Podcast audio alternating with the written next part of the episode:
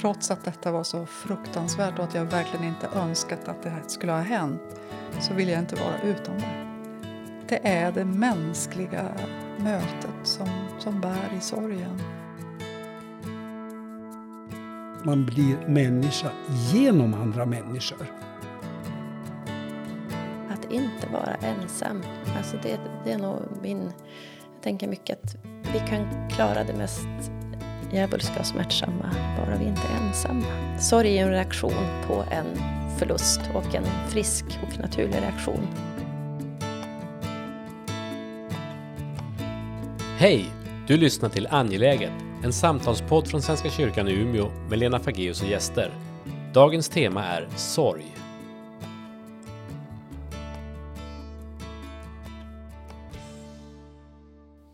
Så välkomna tillbaka till vårt samtal om sorg, Stefan och Susanne och Lena. Och vi tänder ljuset som bilden och metaforen för närvaro i oss själva och Guds närvaro här.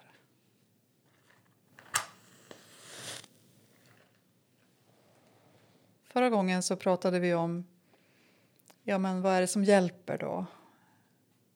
Men sen vet vi också, vi har alltid, de flesta av oss har träffat på dem där, där det inte verkar ha hjälpt. Där det på något sätt har fastnat. Har ni några tankar om den där sorgen som fastnar och vad gör man då och när är det egentligen ett fastnande? jag tror att väldigt många undrar hur lång tid tar sorg? När, kan, när går det över? Ska det kännas så här alltid? Har, har ni några... Susanne, vill du... Så svåra frågor. Ja. ja. eh, nej, men det finns ju någonting i det där med på ett plan så går aldrig sorg över. Men sorg förändras. Eh, om vi tänker dimensionen av att leva med en saknad. Eh, så. Men eh, såklart, när sorg...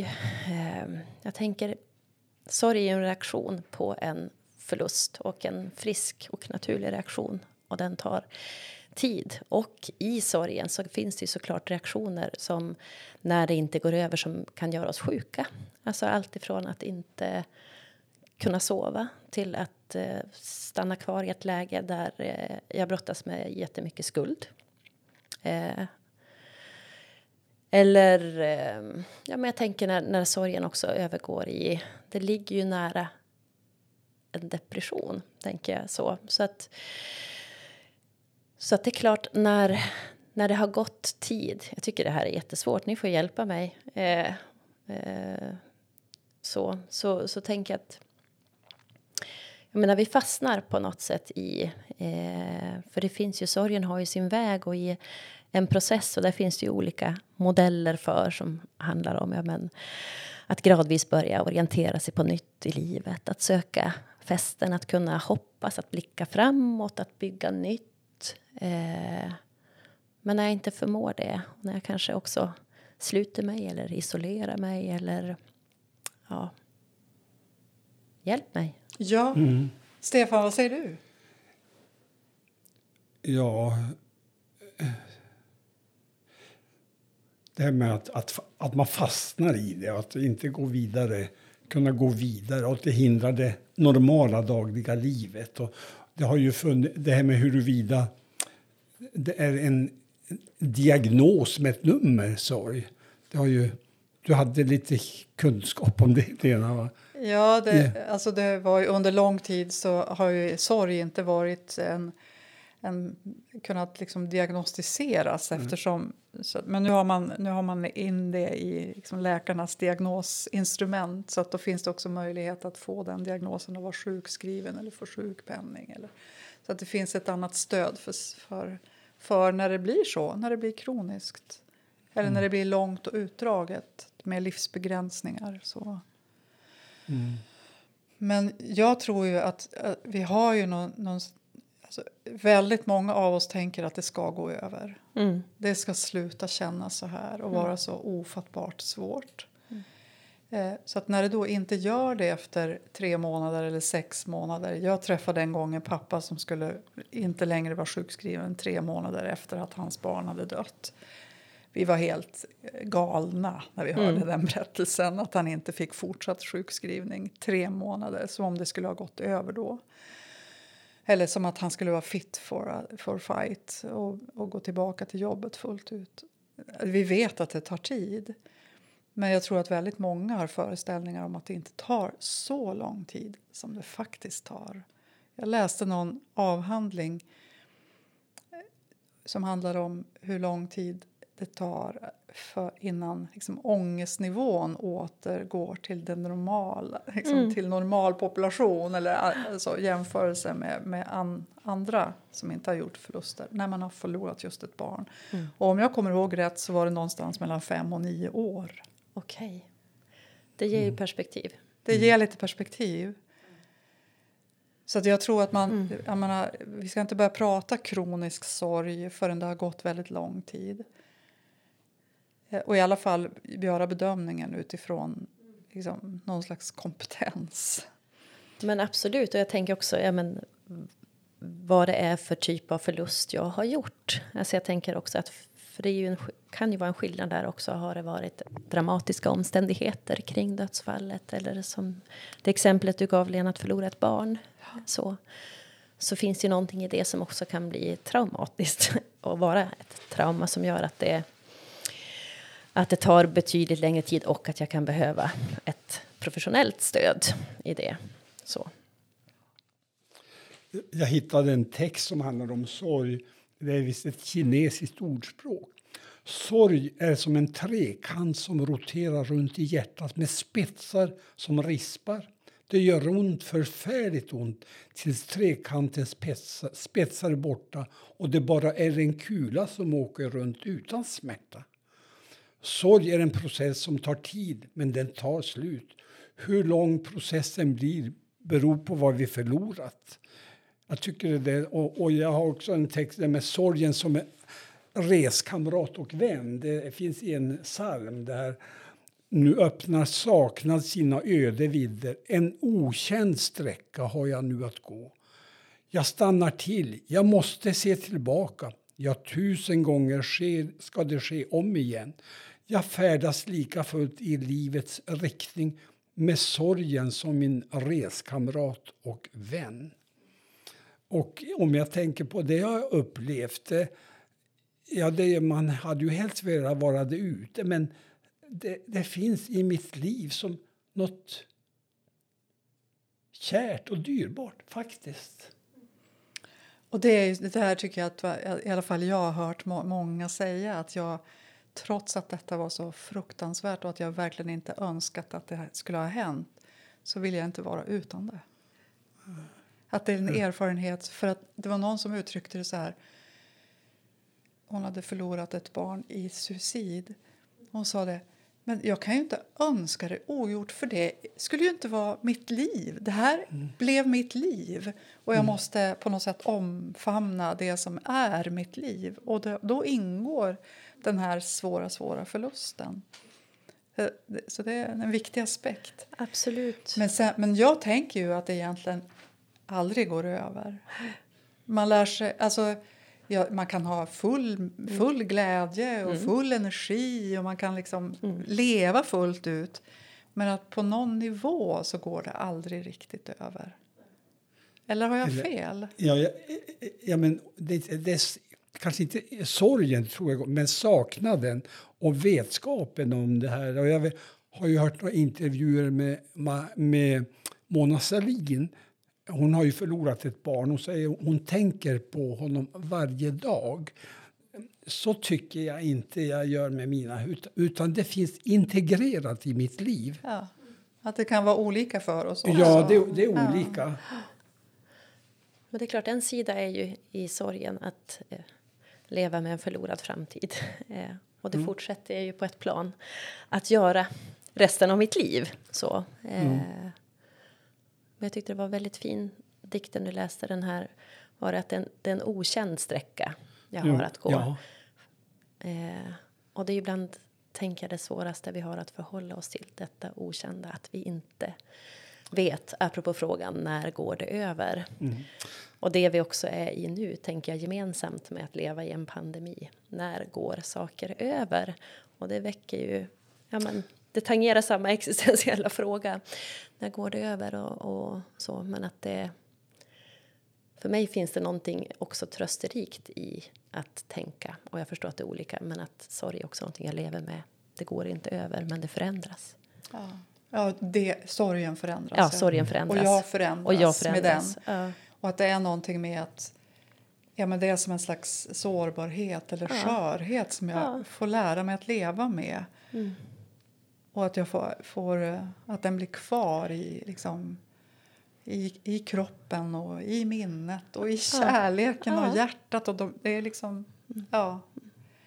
Att det känner- verkligen blir så. Jag vill berätta en liten episod om, om Jenny. Då hon var på lasarettet eh, i Skellefteå efter tre veckor eh, på grund av medicinering. Hon blev lite nedstämd och då råkade de ha en psykolog på barnkliniken som skulle försöka pigg, pigga upp henne. Så tog henne till ett rum med en sandlåda och försökte henne att leka och så. där. Då sa Jenny, jag vill vara ledsen tills jag blir glad. Barn är kloka. Och hon blev så glad också. Vi har mycket att lära av barnen. Mm. Och vi kan inte vara någon annanstans än där vi är. Nej. Även om vi ibland kämpar och försöker och tänker att vi borde. Men den där befrielsen i att också det är som det är och att vara det är. Men jag, du sa någonting för, för en stund sedan, Susanne, som jag tror är viktigt att poängtera. För om det nu lyssnar någon som, som upplever att i alla fall omgivningen tycker att man har fastnat så, så sa du att det finns professionell hjälp att få.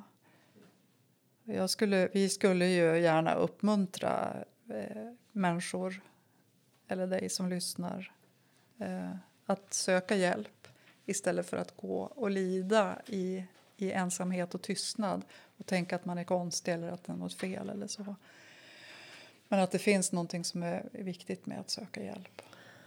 Och just det bara, ja, men som du säger, att gå med den oron. Att Ja, borde jag? Är det som det ska? För jag tänker det är det som jag många gånger kan, kan tycka är så svårt för oss människor att vi blir så ensamma med vår sorg. Att sorgen är så mycket en ensam väg att gå.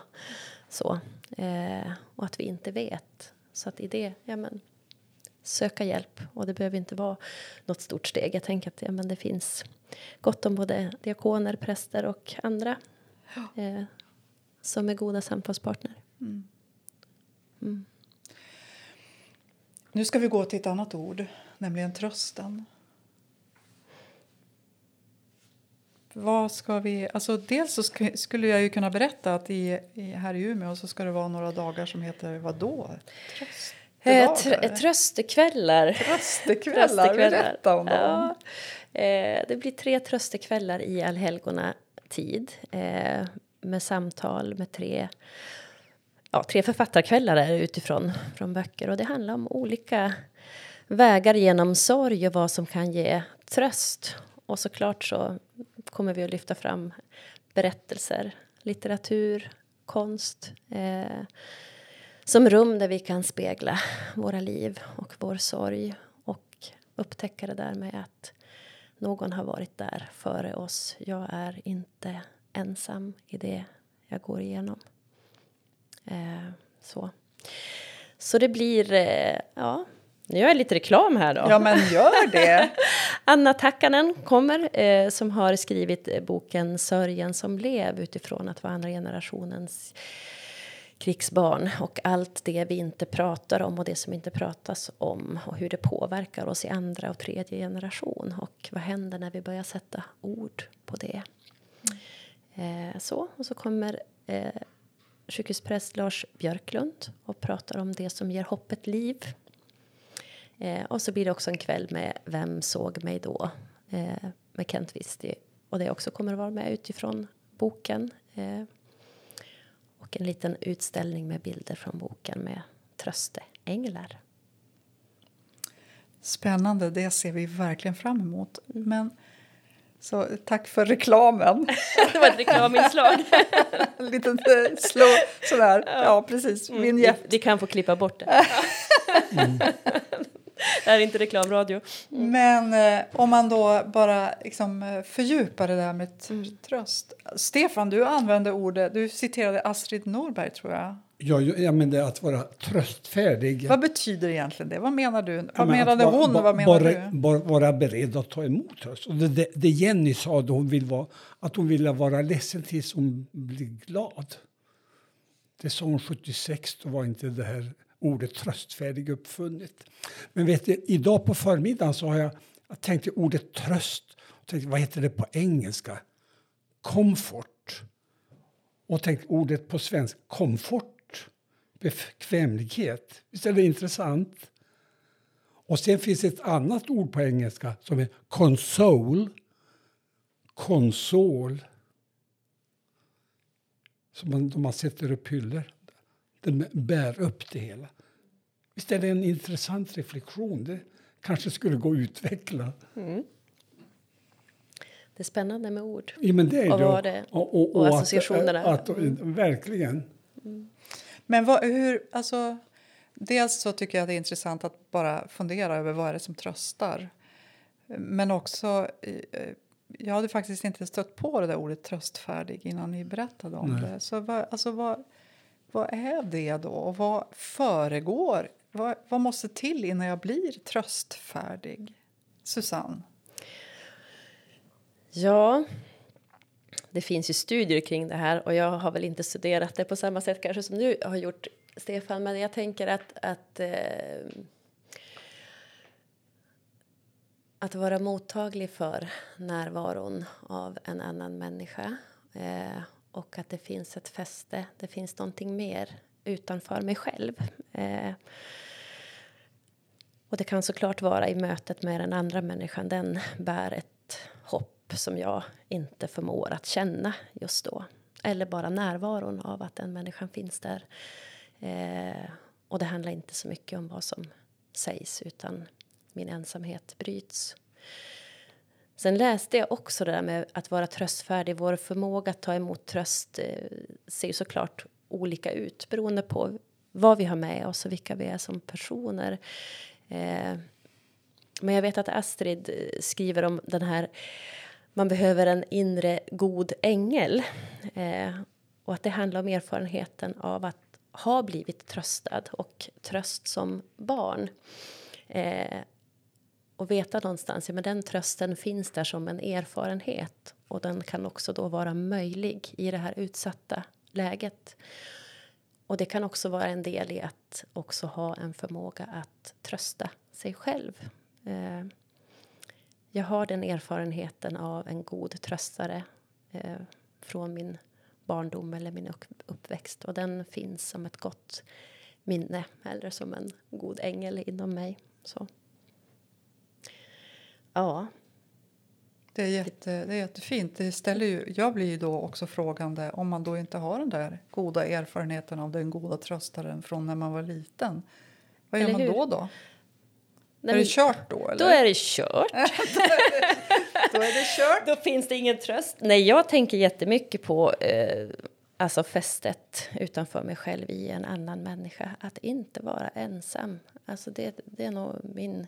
Jag tänker mycket att vi kan klara det mest djävulska och smärtsamma bara vi inte är ensamma.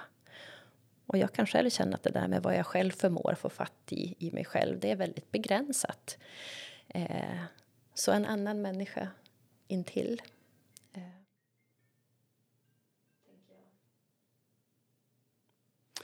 Jag anknyter till Afrika igen. Hoppas ni inte blir less på det. Nej, men det finns något som heter ubuntu. Har ni hört det ordet? Det är en livsfilosofi och det handlar om att man blir människa genom andra människor.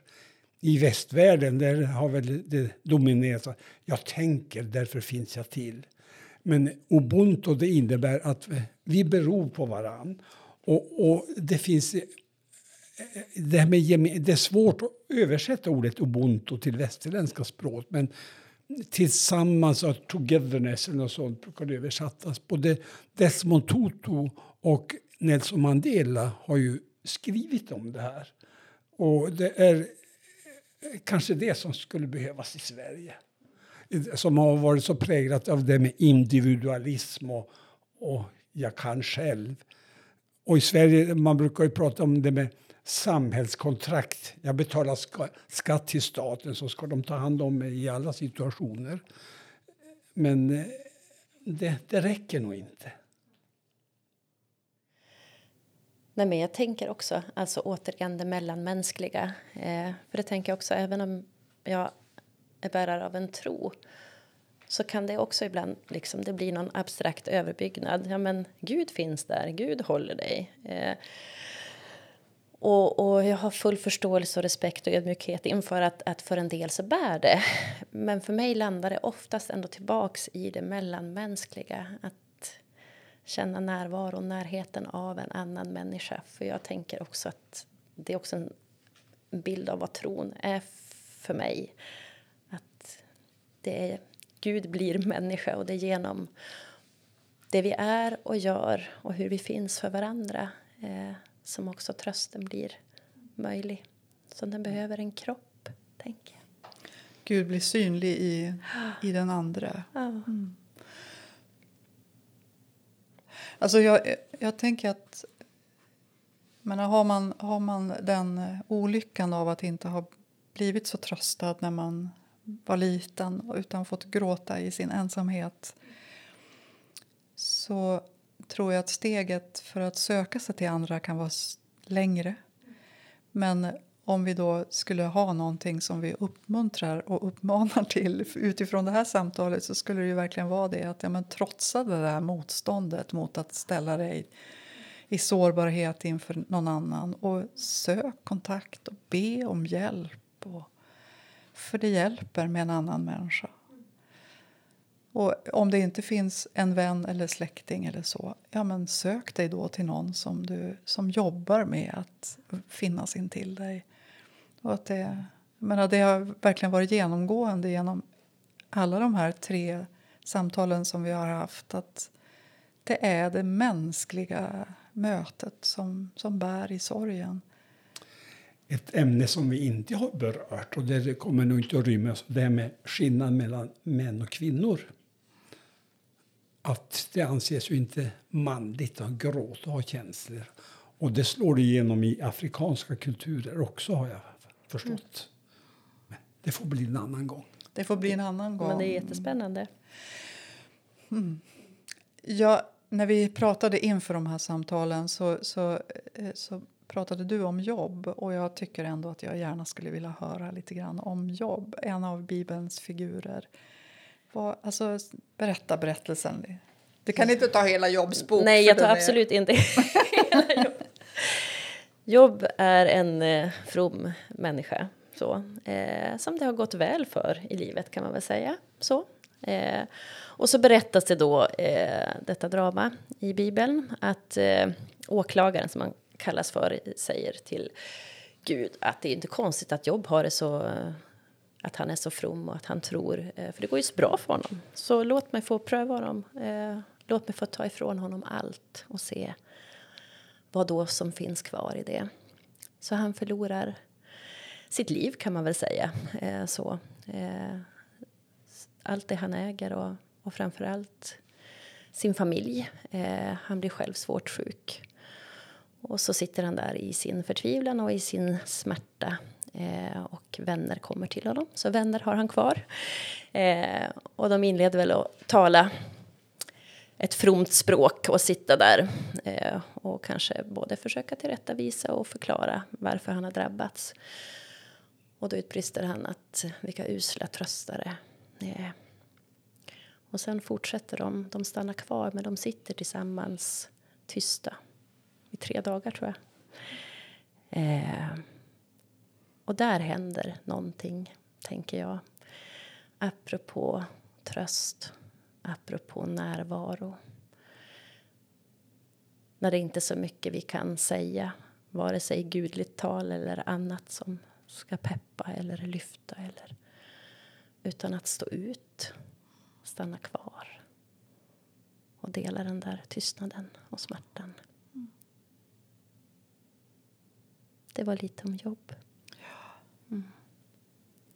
Jag tänker bara de där första kapitlen där när, när vännerna kommer med förklaringsmodeller. Och Att det, vi kan verkligen känna igen oss fastän det här är en flera tusen år gammal text. Så nog håller vi på så. Ja, det är så också. mänskligt. Vi söker efter förklaringar och Ja. efter att förstå och efter mening. Men det finns också det som åtminstone i stunden saknar mening. Och kanske inte får mening heller. Men Nu har vi nått vägs ände. Så vi behöver avrunda de här samtalen. Susanne, kan du tänka dig att läsa en text igen? jag kan läsa den sista texten i boken som heter Sen. Du är en viskning i mig, sen när årsdagar och tider passerat födelsedagar, jular och somrar alla de händelser som berättar om livet som det var innan. Sen kommer jag att plantera om blommor och planerna som kom av sig ska få ny jord. Jag ska fira livets återkomst med en tid på bilbesiktningen bli godkänd och få ett kryss i kolumnen Vardagen återtagen.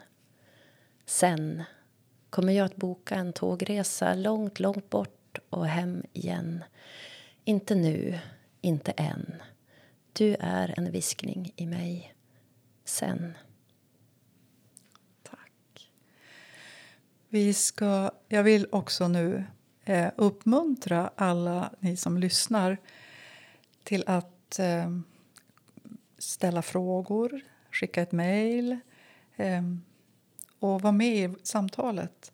För vi har en, en tanke om att eh, faktiskt mötas igen och eh, svara på en del av era tankar och frågor så att ni verkligen får vara med i vårt samtal. Så tack för nu och välkommen tillbaka.